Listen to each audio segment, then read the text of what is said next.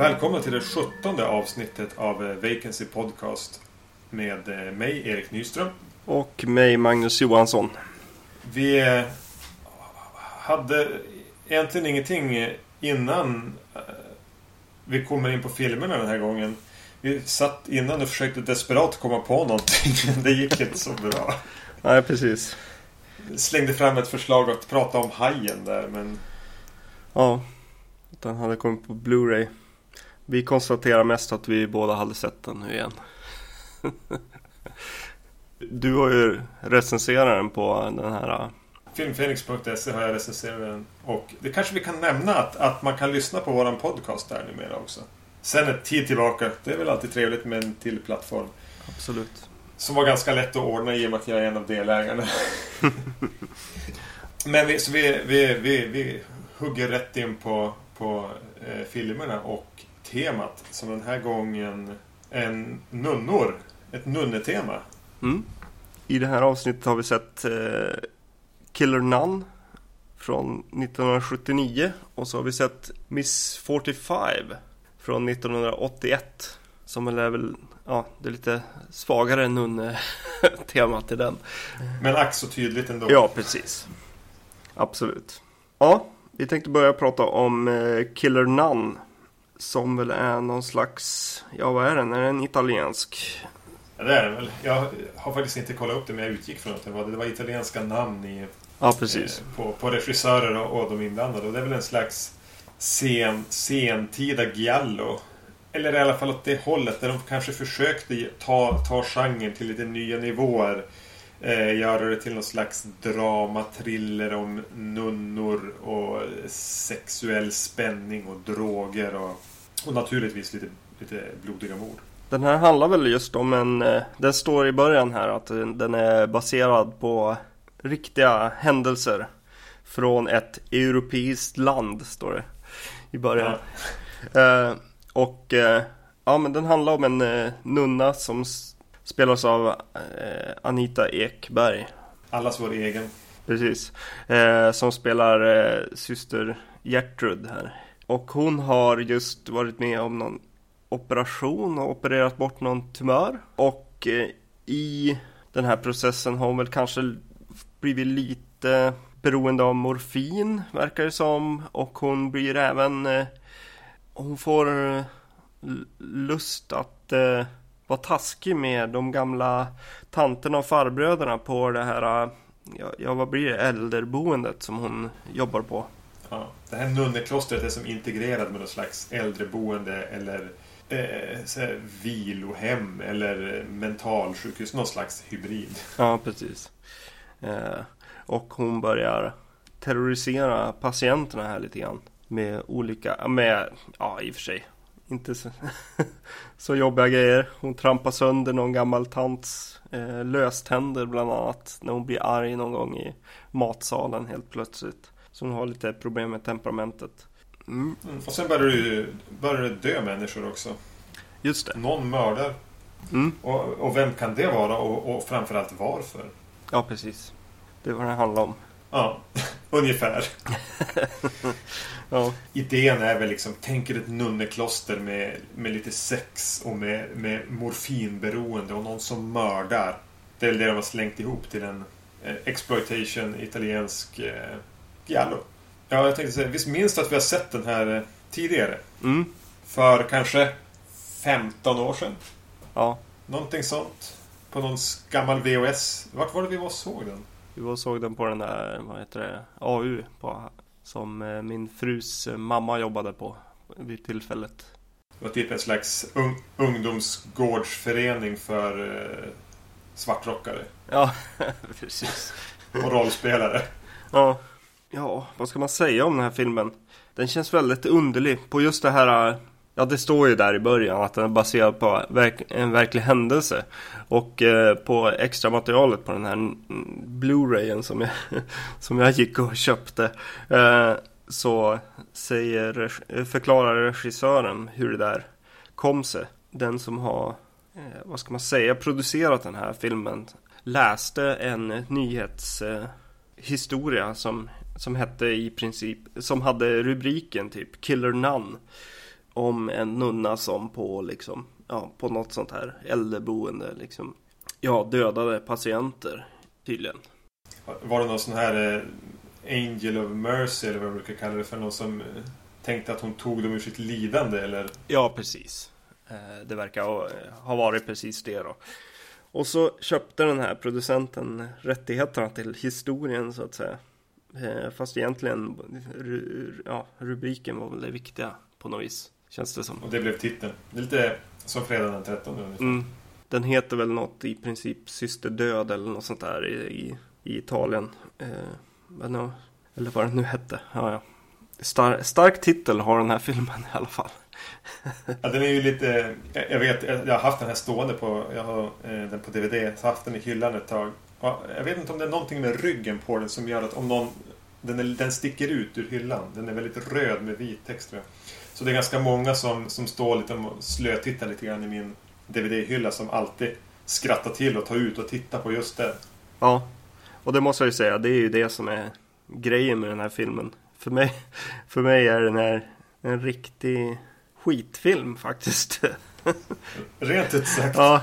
ja, nej jag förstår inte riktigt. Jag var tvungen att kolla på IMDB till och med vad det, vad det var under för genre och att de hade lagt till drama i det hela var väl drama, mystery och horror. Ligger den under där.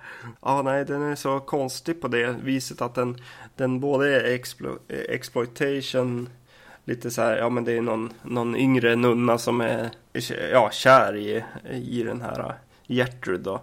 Eh, och eh, ja, vill väl få i säng henne och så sen eh, Ja, och sen är det bara helt vanliga vardags så här, ta hand om åldringar scener och så. Tar hon en dag inne i city också den här Gertrud. Hon, hon eh, tar ledigt och åker in och röker och tar en grogg och raggar upp någon karl som ser ut som en blandning mellan typ Jan Guillou och Lee Marvin. ja. Och det är en väldigt lång scen. Den tar säkert 10-15 minuter hela den här hennes dag inne i stan. Ja. Eh, och den leder ingenstans. Nej. Ja, till en sexscen. Ja, det var väl det lite roliga liksom att det, det fortfarande var Ja, det var kul att det fick vara en, eh, en något äldre liksom, eh, karaktär som inte var, är så här pin, pinsmal direkt. Som får vara attraktiv för både män och kvinnor. Det, det måste man ju ändå ge den på något sätt. Ja, Anita Ekberg måste väl här ha varit närmare 50 i alla fall. Då ser hon ut att vara i 50-årsåldern. Ja, 48 kollade jag upp att hon var när hon gjorde den här. Ja, nej, men i övrigt den är väldigt tråkigt filmad, ljussatt och det är verkligen bara den här idén av någon, slags, av någon, av någon slag. Det känns som det är postern liksom, eller vad man ska säga, som ska sälja den här filmen och, och vissa namn också. Den här, det kom, anlände någon ny läkare som tydligen var het kille på i Italien just då. Ja, det är Joe D'Alessandro som dyker upp som ju ser ut som en porrskådis. Eh, jag tror inte han är det. Han, jag förknippar med Flesh for Frankenstein och Blood for Dracula, de här som Andy Warhol producerade med Udo Kier. Väldigt kitschiga Hammer eh, hyllningarna eller parodierna eller vad man nu ska kalla det mm. ja, Han är med i dem som någon slags Italian stallion som alla vill ligga med. Jag kunde inte sluta liksom när jag såg den här filmen tänka på så här, bara, han är lik någon alltså. Det är någon han ser ut som liksom. Tills... Ja, jag var också tänkt, kommer du på något? Ja, till slut fick jag ihop en blandning av eh, Woody Harrelson Ja, jag var där och, också. Och eh, han, eh, vad heter han, Wes Bentley som är med i P2. Eller snarare American Beauty och The Hunger Games han med i också. Ja just ja, han. Nu har jag ingen klar bild, men jag vet vem du menar. Jag tänkte också på Woody Harrelson också. Jag satt också och tänkte, han är lik någon. Är det Woody Harrelson? Kanske. Han ser som ut som en porrskådisvariant av Woody Harrelson. Fast å andra sidan ser väl Woody Harrelson lite grann ut som en porrskådis redan. Mm. Jo, men just det här med att hon, hon får vara äldre och attraktiv och så. Eh, ja, då tyckte jag ju att det var lite fränt i den här filmen. Men sen så såg jag ju det där jäkla extra materialet och han, regissören han sa något riktigt dumt alltså. Ah, shit. Jag tittade, det fanns en intervju men jag glömde mer eller mindre bort att se det. Men du får gärna återberätta. Ja. För oss och våra, mig och våra lyssnare. Det, det skulle vara med, eller är väl med en lesbisk sexscen egentligen. Eller skulle väl. Den, den är mer så här, äh, ja, kameran simmar iväg. Som i James Bond liksom. Och då sa han det bara. Ja, nej men. Eh, ja men den var ju som meningen att vara mer liksom grafisk men. Eh, ja, jag respekterade verkligen Anita Ekberg. Sa han. Så bara, men eh, vad då tänkte jag. Så här, Jaha, vill hon inte göra det? Och så sen sa han. Ja, jo för hon. Hon var ju inte flickan i fontänen längre direkt. Fy fan. Så han, han, han, han eh, spelade in en hon fick spela in sexscenen. Sen tyckte hon att hon var för gammal. Och Sagge sa han klippte bort det. Det kändes lite så ja. Nej fy fan. Han verkar lite konstig den där. Han. Ja, han har ju inte speciellt mycket talang heller. Nej. Nej, det var, jag, jag håller med. Jag har inte sagt vad jag tyckte. Men jag hade väldigt, väldigt tråkigt framförallt. Mm. När jag såg den här.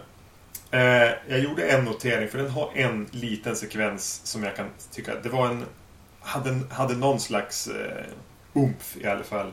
Det börjar med den här... Den, hon, eh, nunnan här, står och speja i regnet på en, på en sexscen. Det är en man som sitter i rullstol som har sex med en kvinna. Det regnar och åska och blixtrar och man får se en närbild på hon som står och tittar på det där och i princip slickar sig om munnen. Jag vet inte om hon gör det men och den är lite så här schysst ljusat, känns lite som en nästan lite som en mardröm. Och sen kommer det ett efterföljande direkt efter ett mord.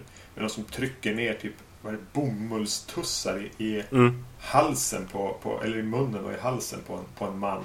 Och det är också, det regnar och blixtrar lite, lite snyggare klippt och fotat och sammansatt. Men jag var tvungen att göra så här i mina noteringar en stor ring runt just det för att Jag skulle notera att det ju faktiskt var riktigt bra. Eller riktigt bra, nu kanske jag överdriver. Men det var eh, det bästa med den här filmen, tyckte jag. Ja, ja det var det definitivt. Ja, men det, det håller jag definitivt med om.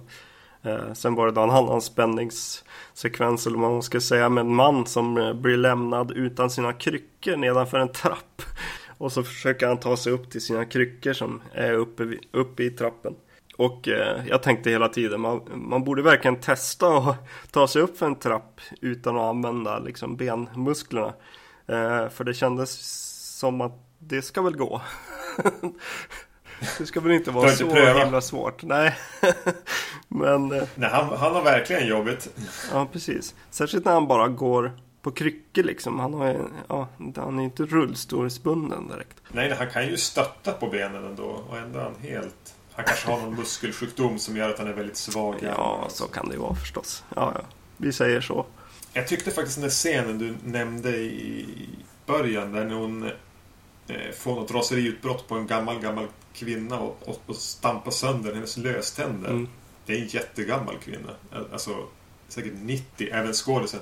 Och hon sitter och gråter och är alldeles förtvivlad och hon står och stampar på hennes tänder.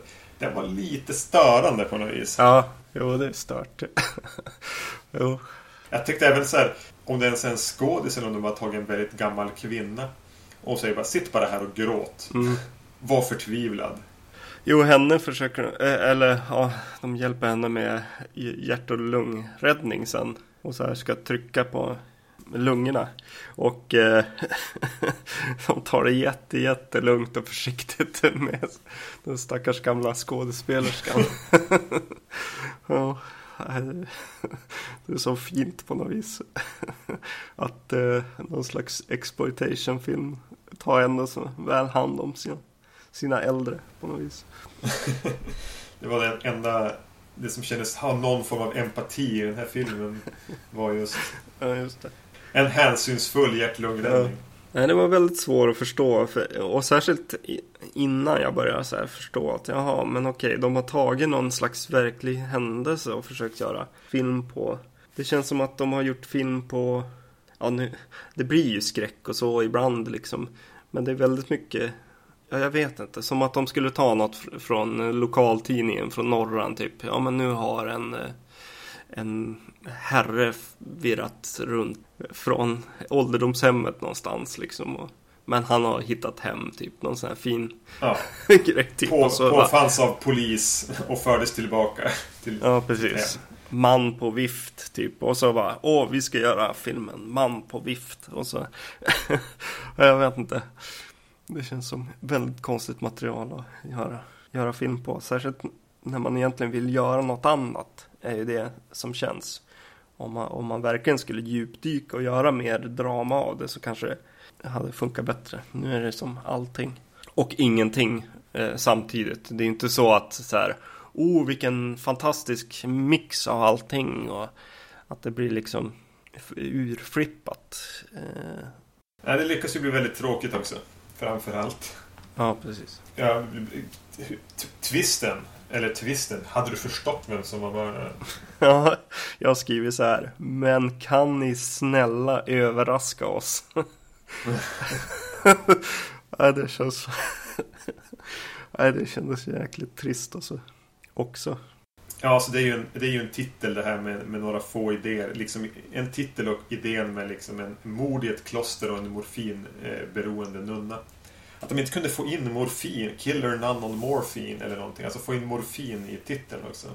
Ja, Ja, de hade kunnat krydda den ännu mer. ja, ja, jag har faktiskt inte så mycket mer att säga om den här filmen.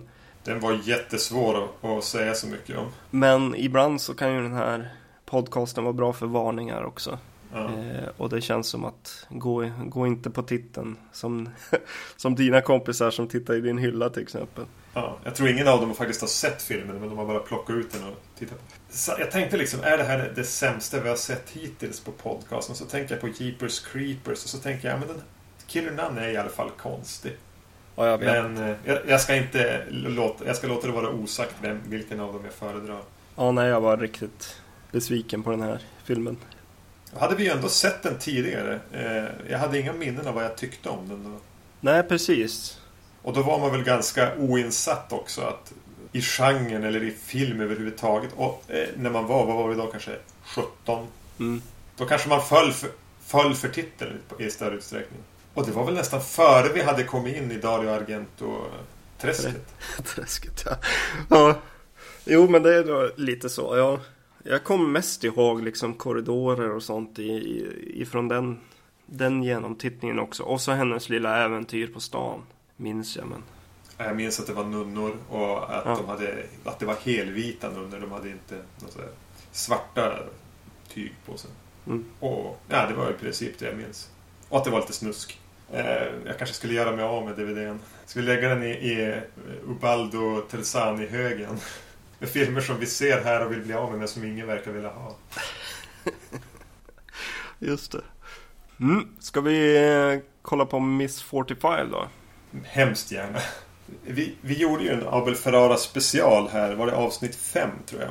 Mm. Och då vet jag när vi planerade det så, så, valde vi lite avsiktligt att hoppa över Miss 45. Eller jag hade då ville då hoppa över den. För det var väl den som du hade sett tidigare av Abel Ferrara och jag också hade sett och tänkte att det skulle vara lite roligare att se mer som man inte hade sett kanske. Jo, Eller så ville vi bara spara något, något, något, något gott till sen. jo det känns som att jag, jag, har, jag har i alla fall gått väldigt länge nu. Sen vi egentligen startade den här podcasten och längtar att se den här igen. Men eh, det är väl en grej med att ha en sån här podcast. Man kan inte bara ta en film längre ur hyllan utan man vill, man vill kolla om vi kanske kan göra den på podden någon gång. Så Miss 45 har fått vänta lite grann för mig. Men nu har jag fått se den igen. Det här han, det är ju, hör väl egentligen till ytan till stor del eh, hemma i Last House on the Left eller eh, I Spit on Your Grave-genren med en kvinna blir våldtagen och tar ut sin hämnd. Eh, den här gången eh, utspelas den eftersom det är Abel Ferrara eh, på Manhattan i New York. En ung, väldigt timid och stum sömmerska På väg hem från jobbet blir hon våldtagen. Först på väg hem och när hon kommer hem har en, befinner sig en inbrottstjuv i hennes lägenhet som våldtar henne igen. Hon lyckas slå ner och slå ihjäl den andra överfallaren och få tag i hans vapen, hans pistol. Hon styckar honom och börjar göra sig av med, med, med likdelarna. Samtidigt som hon tar hämnd på, ska vi säga män i allmänhet. Ja, det kan vi väl säga. I alla fall i det här universumet i allmänhet. Ja, och det är väl egentligen vad den handlar om. Vi, Ja. är- vi är tillbaks på, på Abel Ferraras gator i New York. Man känner ju verkligen igen, tycker jag i alla fall, de här ganska smutsiga, skitiga gatorna med där alla människor egentligen är lika mycket rovdjur som, som människor. Mm. Jo, männen är ju verkligen ja, de här ja, visslande eh, byggarbetarna och ja, djurlika i sitt beteende verkligen i den här filmen egentligen nästan rakt igenom. Eller ja, rakt igenom. Rakt igenom. Den är ju väldigt stiliserad på det sättet. Mm. Det känns som att det inte existerar så mycket utanför den här världen som är filmen. Nej. Det finns nästan ingenting annat utanför Manhattan. Men det som du sa i avsnittet, ja, Abel Ferrara-avsnittet när vi pratade om Driller Killer, att han skapar en liten värld. Mm. Jo, Och absolut. det gör han ju verkligen här också. Och, ja, precis. Och även med musiken i, i fokus igen på något sätt. Känns det som. Han drar sig inte för att använda liksom band och så i, i, i bild. Och Jag tycker hon är väldigt intressant eh, eh, presenterad i, i början av filmen här med, det, med hur liksom skygg och, och skör egentligen hon är. Eh, Verkligen en grå, grå liten mus. Ja, precis. Och eh, ja, till och med när hon i början av filmen när hon går från jobbet så får hon en liten klapp på huvudet efter arbetsdagen av sin chef. Som att, ja men lilla gumman, vad, duktig du har varit idag. Eh, som att vara, jag vet inte, vara stum är någonting som gör att man är som ett barn liksom eller någonting. Jag vet inte. Och sen medan då männen blir, ja de är verkligen rovdjur på något sätt. Det är en, en, en ond värld hon lever i på något Ja, sätt. en, mycket, mycket ond värld hon lever i. Och man, det känns ju bara som att hon gör det ingen annan har gjort när hon väl beväpnar sig med den här pistolen och börjar sminka upp sig och ge sig ut på, på stan på nätterna.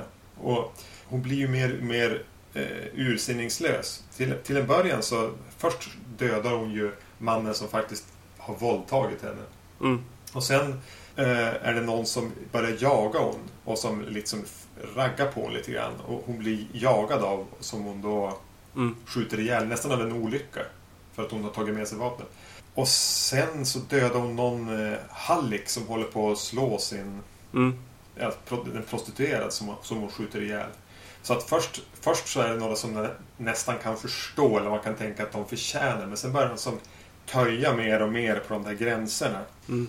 Att hon ger sig på nästan vilken man som helst som bara råkar komma i hennes väg. Ja, jag tycker att det är intressant hur filmen liksom när jag, när jag börjar se den så, så är den ganska Ja, den är ju väldigt allvarlig på något vis. Den, den, man börjar verkligen tycka illa om liksom män. Och man, ja jag vet inte, han, han, han det, det är lite tydligare i, i den här filmen att det inte är någon slags exploitation motiv på något vis hos eh, regissören. Som i Nej. I spit on your grave är lite svårare. Där är det mer regissörens ord som har sagt det i efterhand liksom. Mot för reklamen och sånt. För han, i I spit on your grave så ligger de ju kvar på själva våldtäkterna väldigt mycket, mycket väldigt lång speltid. Det är liksom våldtäkt. Ja, och visa henne naken och, och uts, utsatt också. Och eh, i, i den här filmen så håller han ändå våldtäkterna ganska kort. Även om han själv spelar en av våldtäktsmännen.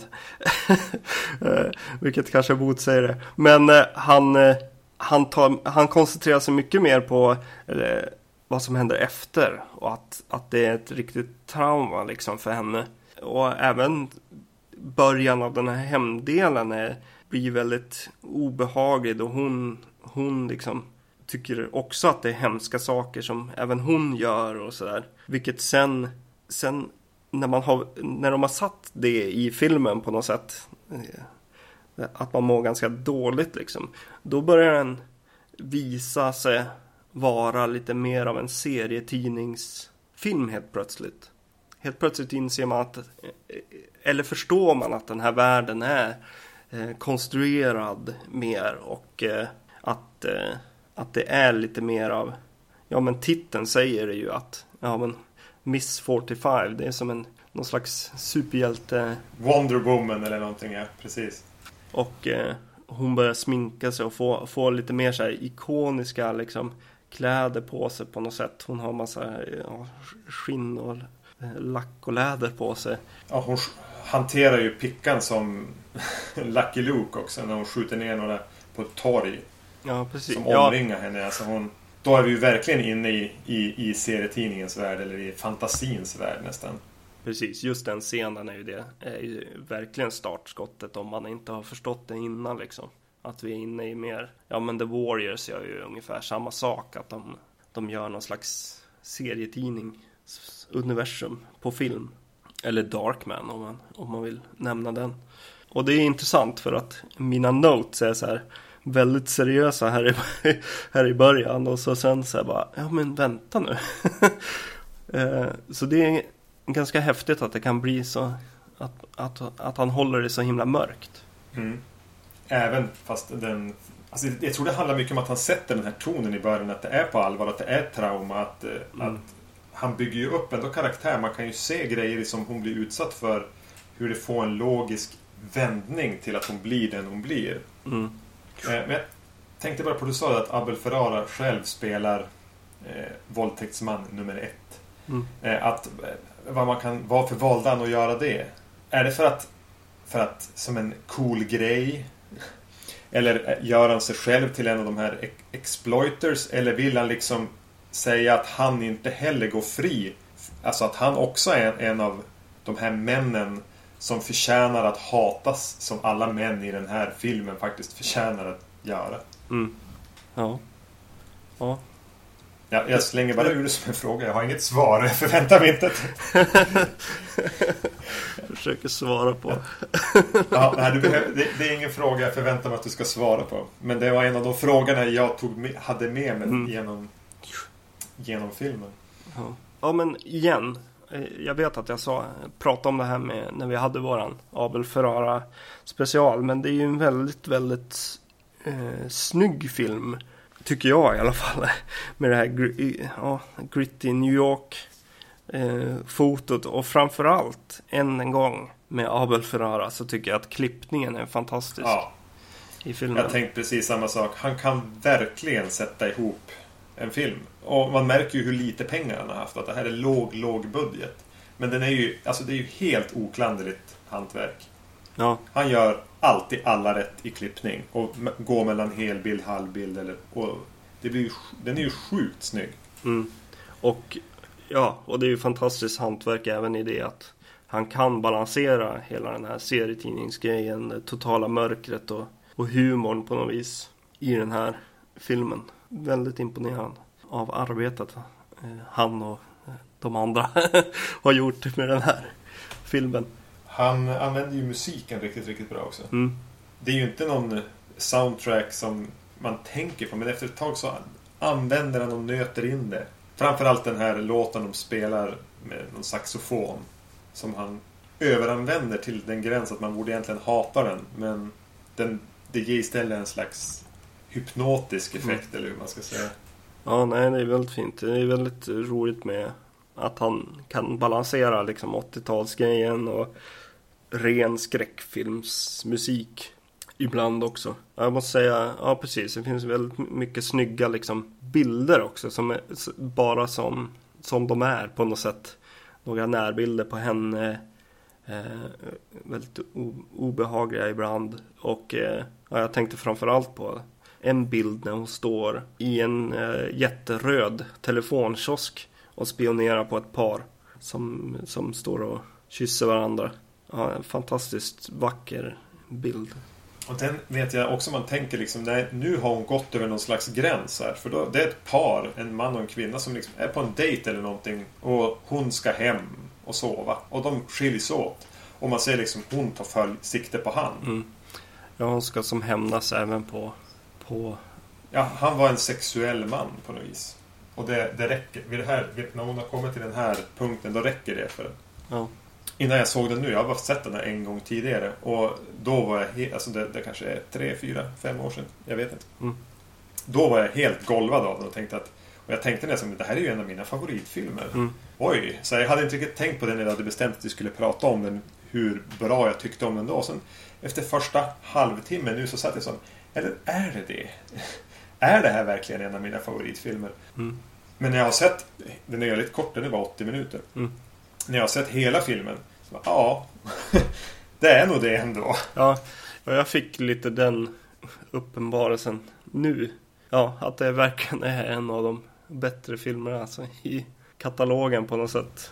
Ja. Jag, ja, jag bara tänkte på så här, ja men det är bäst att jag har kvar den här DVDn och alltså det, var, det blev på något slags, eh, när jag tog ut skivan så bara, ja jag måste ta hand om den här på något sätt.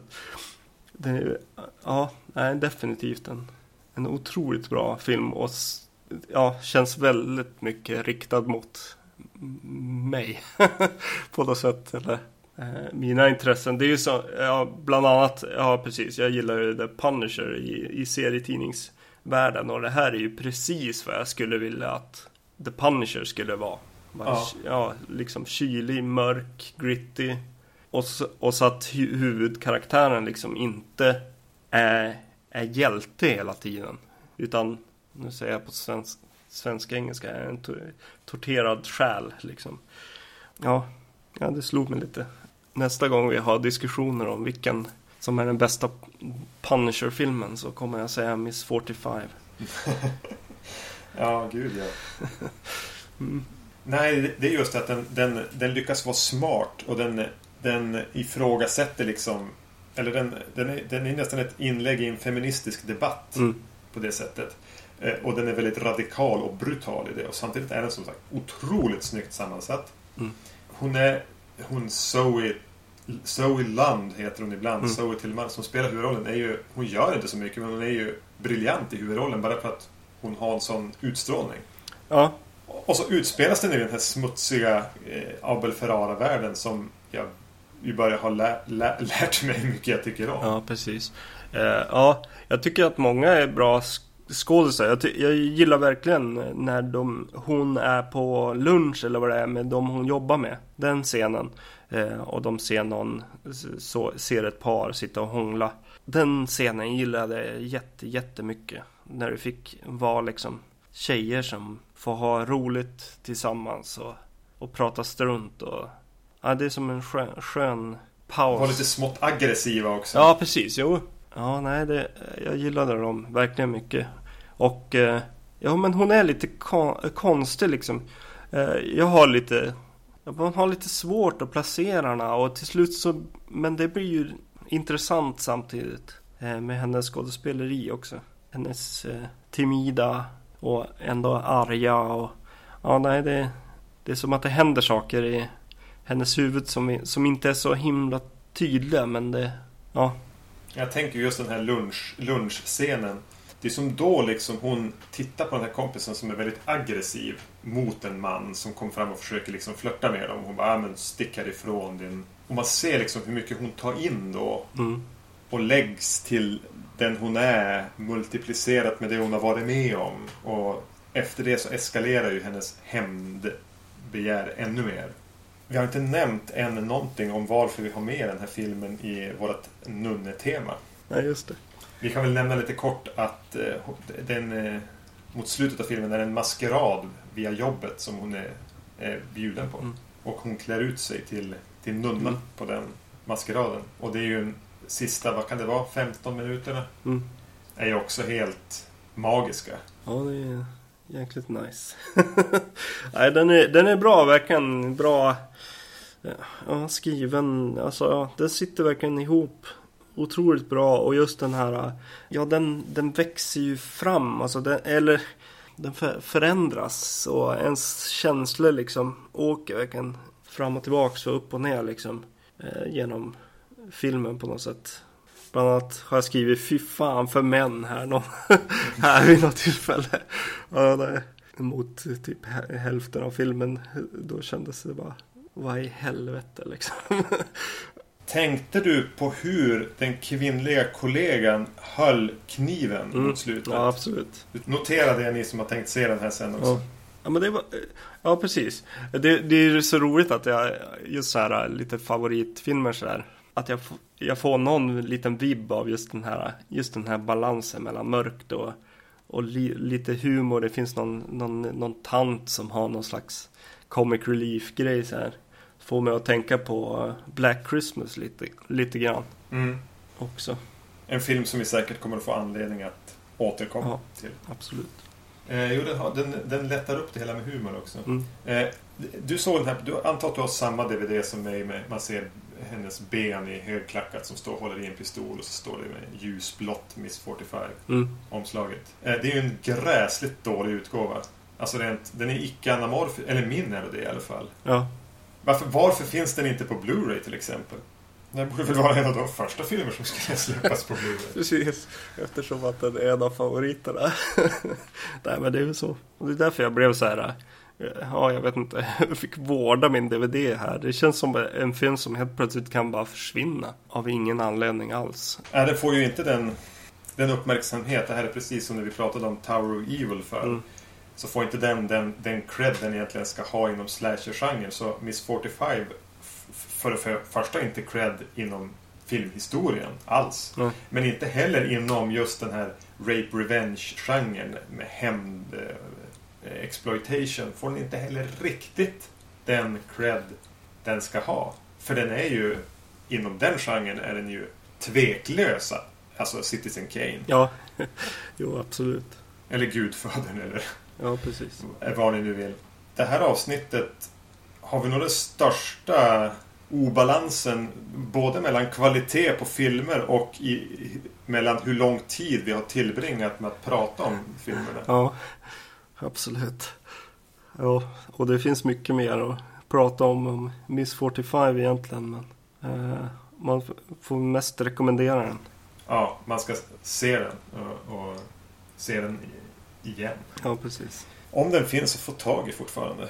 Eh, på det, det här, som du säger, det här, den kan mycket väl vara out of print. Och det finns ingen svensk utgåva så vitt jag vet. Mm. Men eh, vi får väl starta ett upprop. Ja, precis. Eller så får vi helt enkelt ta och köpa rättigheterna till den och eh, ta fram en, en eh, högupplöst transfer och ge ut den på Blu-ray. Yes. Vacancy Podcast Presents. Ja, då kör vi. Kan vi lägga in det här som eh, kommentarspår också. ja. Innan vi börjar ta oss själva på allt för stort allvar kanske vi ska avrunda detta 17 avsnitt med att säga se inte Killer None eh, och, men se Miss 45. Vad ni än gör. Vad ni än gör, se den. Återkom gärna till oss med eh, feedback på podcast.vacancy.se. Gå in på vår sida på www.vacancy.se. Gilla oss där, så om ni har Facebook så kan ni få uppdateringar där när vi kommer med nya avsnitt. Skriv en kommentar, eh, ge oss feedback. Vi är som sagt väldigt, väldigt tacksamma för all respons vi kan få på, på det vi gör. Ja, tack så mycket. Tack och hej! Hej hej.